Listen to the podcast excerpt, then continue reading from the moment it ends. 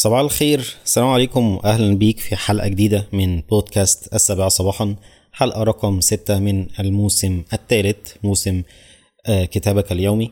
اللي فيه بنحاول نفصص كتاب كده كل يوم آه، مش كتاب كل يوم اللي هو إيه يعني جزء من كتاب كل يوم لحد ما نخلصه خالص. ومعانا في آه، الفترة دي هو كتاب الأب الغني والأب الفقير كتاب مهم جدا في الإدارة المالية للناس المبتدئين.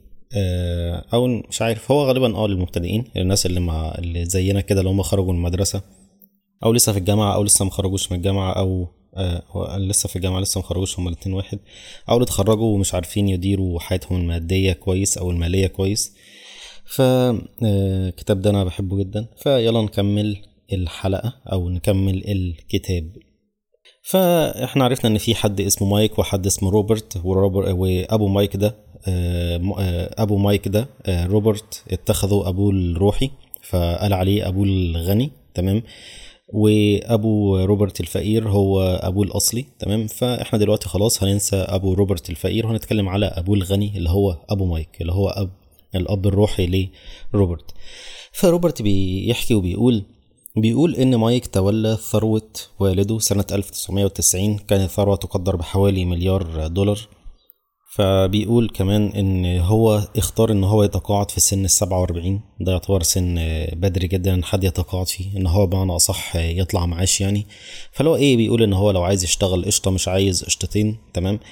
آه، فبيقول إن هو آه، قرر إن هو يتقاعد علشان هو بقى عنده أصول كافية تجيب له المال من غير ما يعمل. طيب يعني إيه أصول؟ هقول لك هي الحلقة دي أصلا بتتكلم كلها عن فكرة الأصول أو الالتزامات أو آه، يعني حاجتين تانيين هنتكلم عنهم إن شاء الله في الحلقة دي بس قدام شوية.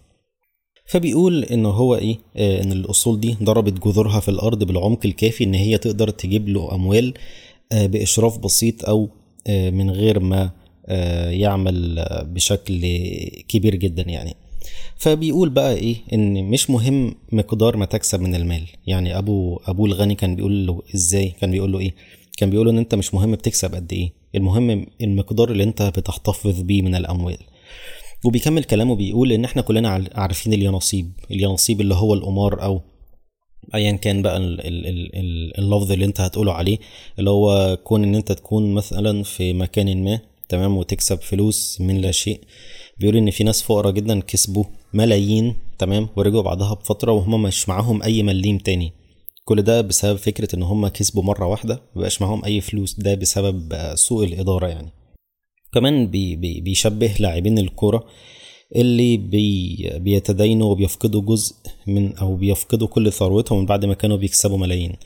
وكشخص مهتم بالكورة فأنا عارف أمثلة للعيبه زي دي كتير جدا. يعني مثلا في كان لعيب اسمه أدريانو وفي لعيب اسمه رونالدينيو لع- في لعيبة كتير فعلا آه، غالبا بيكونوا من أبناء البرازيل يعني. بيكونوا ناس عندهم بجد شهرة واسعة جدا ومحطمين أرقام وعاملين فلوس بالهبل. يجوا بعد كده تلاقيهم إن هم في صور بتنزل ليهم وهم في أماكن فقيرة جدا وراجعين اللي هو من غير أي حاجة. فدي حاجة بسبب سوء الإدارة المالية. فلما كان حد بيروح يسأل روبرت بقى بعد ما بعد ما كبر يعني وبقى غني فبيقول حد بيسأله يقول له إزاي اكون ثري؟ فبيقول له إذا أردت أن تكون ثريا فستحتاج إلى أن تكون مثقفا على المستوى المالي. لازم أنت يا أخي تكون إيه مثقف على المستوى المالي. لأن أنت لو عايز تبني بنايه ضخمة لو أنت عايز تبني عمارة ضخمة أو أو أي حاجة ضخمة لازم تعمل أساس قوي. مش هتعمل أساس من الخرسانة ببضع سنتيمترات. مش هتعمل أساس صغير قوي كده. لا أنت لازم تحفر في الأرض مترات كبيرة علشان تقدر تبني أساس قوي آه، عشان تقدر تعمل آه، تعمل عمارة كبيرة لازم تعمل أساس قوي يكون محفور بطريقة أو يكون ليه جذور في الأرض بطريقة كويسة كما ذكر في البداية يعني. فبيكمل كلامه بيقول إن المحاسبة تعتبر حاجة صعبة جدا للأطفال. فالمحاسبة حاجة صعبة جدا للأطفال. فبيقول إن أبوه الغني عرفه أو يعني عرف ال- المحاسبة البسيطة دي من خلال بعض الرسومات. بيقول كمان إن أنت لازم تفهم الحاجات دي من الصغر. إيه الحاجات دي؟ هي فكرة الأصول والالتزامات والدخل والنفقات. دي اللي أنا برضه هقولها لك كمان شوية. فبيقول إن القاعدة لازم إن أنت تعرف الفرق بين الأصول والالتزامات وإنك تشتري الأصل وهي القاعدة الأولى والأخيرة. بيقول إن المعظم بيعاني ماديا بسبب عدم الفهم بتاعها. إن أنت إزاي تفهم وتفرق بين الأصول والالتزامات أصلا. معظم الناس بتكسب التزامات وبيفكروها أصول. بيقول إن الأثرياء بيمتلكون الأصول بينما يحصل الفقراء وأبناء الطبقة المتوسطة على الالتزامات. فبيقول كمان إن الأصول هي التي تجلب الأموال إليك. هقول لك بقى يعني إيه الأصول. الأصول هي أي حاجة في الدنيا دي تمام؟ أنت ممكن تعملها أو تنشئها وتدخل ليك مال سواء كنت بتشتغل فيها بشكل فعلي أنت آه، موكل حد يشتغل فيها أو أنت سايبها لوحدها وهي بتدخلك فلوس. دي يعتبر حاجة اسمها أصل. فبالتالي كان في أول الكتاب بيقول لك إيه؟ إن ناس كتير بتعتقد إن البيت بتاعها ده يعتبر أصل وده ما يعتبرش أصل. لأن الأصول هي حاجات بتجلب ليك الأموال. إنما بيتك ده يعتبر حاجة بتنفق عليها فلوس. بيتك بتنفق عليه كهرباء بتنفق عليه مية بتنفق عليه غاز بتنفق عليه حاجات كتير جدا علشان آه، يكون موجود. فالبيت بتاعك ما يعتبرش أصل. تمام؟ فيعتبر التزام. فزي ما قلنا إن الأصل يعتبر إيه؟ الأصل أي حاجة بتجيب لك فلوس سواء بشكل مباشر أو غير مباشر. أما بقى الالتزامات هي الحاجات اللي بتاخد منك الفلوس. زي ما قلنا كده إيه؟ أي حاجة أنت ممكن تكون بتعملها بتاخد منك فلوس. زي إن أنت عملت كارد معين يعني بعيدا يعني يعني على الفكرة بس إيه؟ كمثال بعيدا عن الحرمانية أو كده تمام؟ آه كارد مثلا أو ايا كان تمام؟ أي حاجة. اقساط أو حاجات زي كده. آه فقدامك دلوقتي خيارين إن أنت تشتري أصول أو تشتري التزامات. فخليني أوضح لك بقى فكرة معينة كده الفكرة اللي هي أول فكرة مهمة جدا في الكتاب تمام؟ الفكرة بتقول إن كل أسرة بيبقى عندها دخل ونفقات. الدخل بيكون من الراتب عامة تمام؟ ده الطبيعي جدا تمام؟ ونفقات بتكون زي إيه؟ زي الضرايب أو الأقساط أو التنقل أو حاجات المعيشة أكل شرب بقى غاز كهرباء أي حاجة من الحاجات دي. وكمان الأسرة دي ممكن يبقى عندها حاجتين تانيين. ممكن يبقى عندها إحنا لحد دلوقتي ما اتكلمناش إن عندها أصول أو التزامات فبالتالي هيكون عندها أصول أو عندها التزامات. الأصول زي إيه؟ الأصول أي حاجة بتجلب ليهم المال. في شخص مثلا شغال في شركة تمام؟ الأسرة دي اللي فيها شخص شغال في شركة وبيرجع بالليل يقف في محل أو عنده مكتبة أو عنده أي حاجة تمام؟ بيقف فيها يبقى ده يعتبر بالنسبة له أصل تمام؟ أما التزامات بقى زي ما قلنا كده إن هو إيه في رهن أو قرض أو أي حاجة من الحاجات اللي بتخلي إن هو يكون وراه حاجة تمام؟ أو عنده حاجة المفروض بيدفع لها باستمرار. فإحنا دلوقتي عندنا أربع حاجات. شكل حياتك المادية أو شكل حياتك المالية مستقبلا هو بيعتمد على إن أنت إزاي هتدير الأربع حاجات دي. تمام؟ فبيتكلم بقى بيقول إن أبناء بيشرح كل كل فرد أو كل طبقة من الثلاث طبقات هو مقسمهم ثلاث طبقات طبقة غنية طبقة متوسطة وطبقة فقيرة. بيقول إن كل آه، كل طبقة من الثلاث طبقات دول بيسلكوا مسلك معين تمام؟ آه، من خلاله بيوصلوا للي هم فيه. أول حاجة بيقول إن أبناء الطبقة الفقيرة تمام؟ مفيش عندهم التزامات أو مفيش عندهم أصول. الدخل بيكون على قد النفقات. اللي هو صباح الخير آه، راح الشغل جه من الشغل عنده شوية حاجات يدفعها حاجات في البيت أو حاجات مدرسة أو حاجات زي كده وزي الفل تمام؟ أبناء الطبقة المتوسطة بيبقى عندهم دخل أعلى شوية من أبناء الطبقة الفقيرة تمام؟ فدخل أعلى تمام؟ معناه اللي هو إيه حاسس إن أنا معايا فلوس. فأنا لازم بقى إيه مثلا أروح أشتري عربية. فأنا دلوقتي بقى عليا أقساط عربية. ده يعتبر التزامات. آه مش عارف عايز اشتري بيت جديد. دلوقتي بقى عليا التزامات.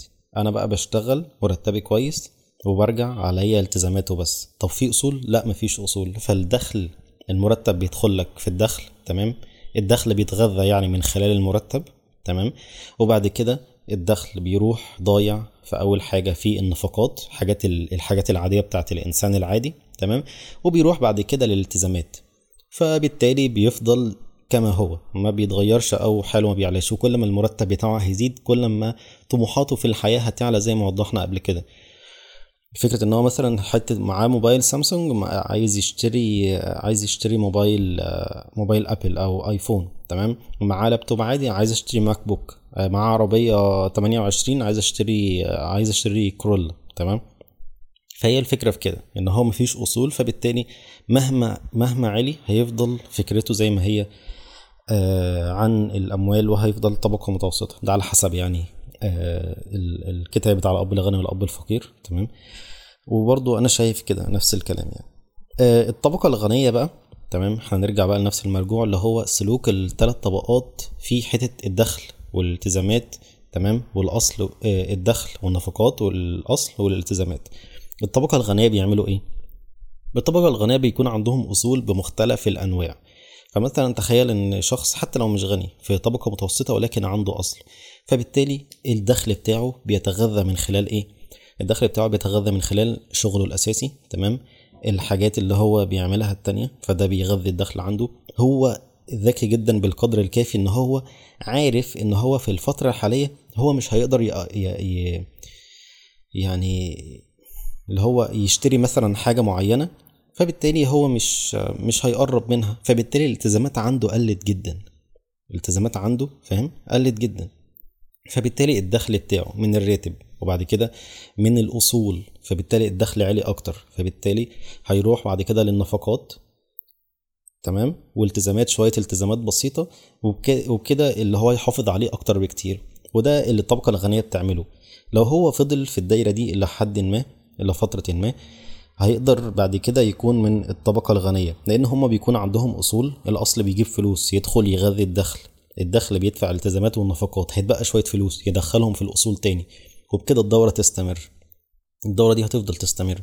فأنا شايف من خلال وجهة نظري يعني إن الشخص اللي, اللي هو بيقدر يكون غني في النهاية تمام؟ آه هو اللي بيقدر يتحكم في الأربع حاجات دول بشكل بشكل مدروس جدا. اللي هو فكرة إيه بقى؟ اللي هو فكرة إن أنا ما يبقاش معايا آه X وأروح أشتري موبايل ب X ونص. أروح دافع مثلا نص X معايا وأروح مقسط الباقي. هل أنا أصلا محتاجه ولا هو المنظرة معينة؟ ولا ولا ولا ولا. فدي نقطة مهمة جدا. آه هو الكتاب بيتكلم عن النقطة دي بشكل معمق جدا يعني.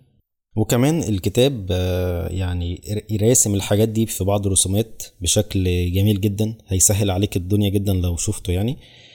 يعني الموضوع جميل جدا لو قرأت الكتاب.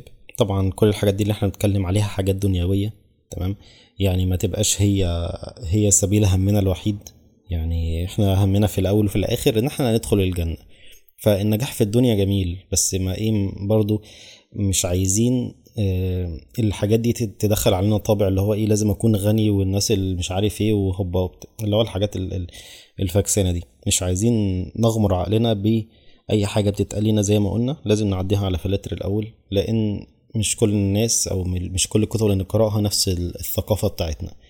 فلازم نعدي على فلاتر. أنا قلت هقول الكلام ده كل حلقة علشان إيه ما ما يعني عقلنا ما يتوهش يعني. فبس كده يا سيدي. شكرا ليك إن أنت وصلت لحد هنا. أتمنى ليك يوم سعيد وصباح الخير مرة تانية. والسلام عليكم.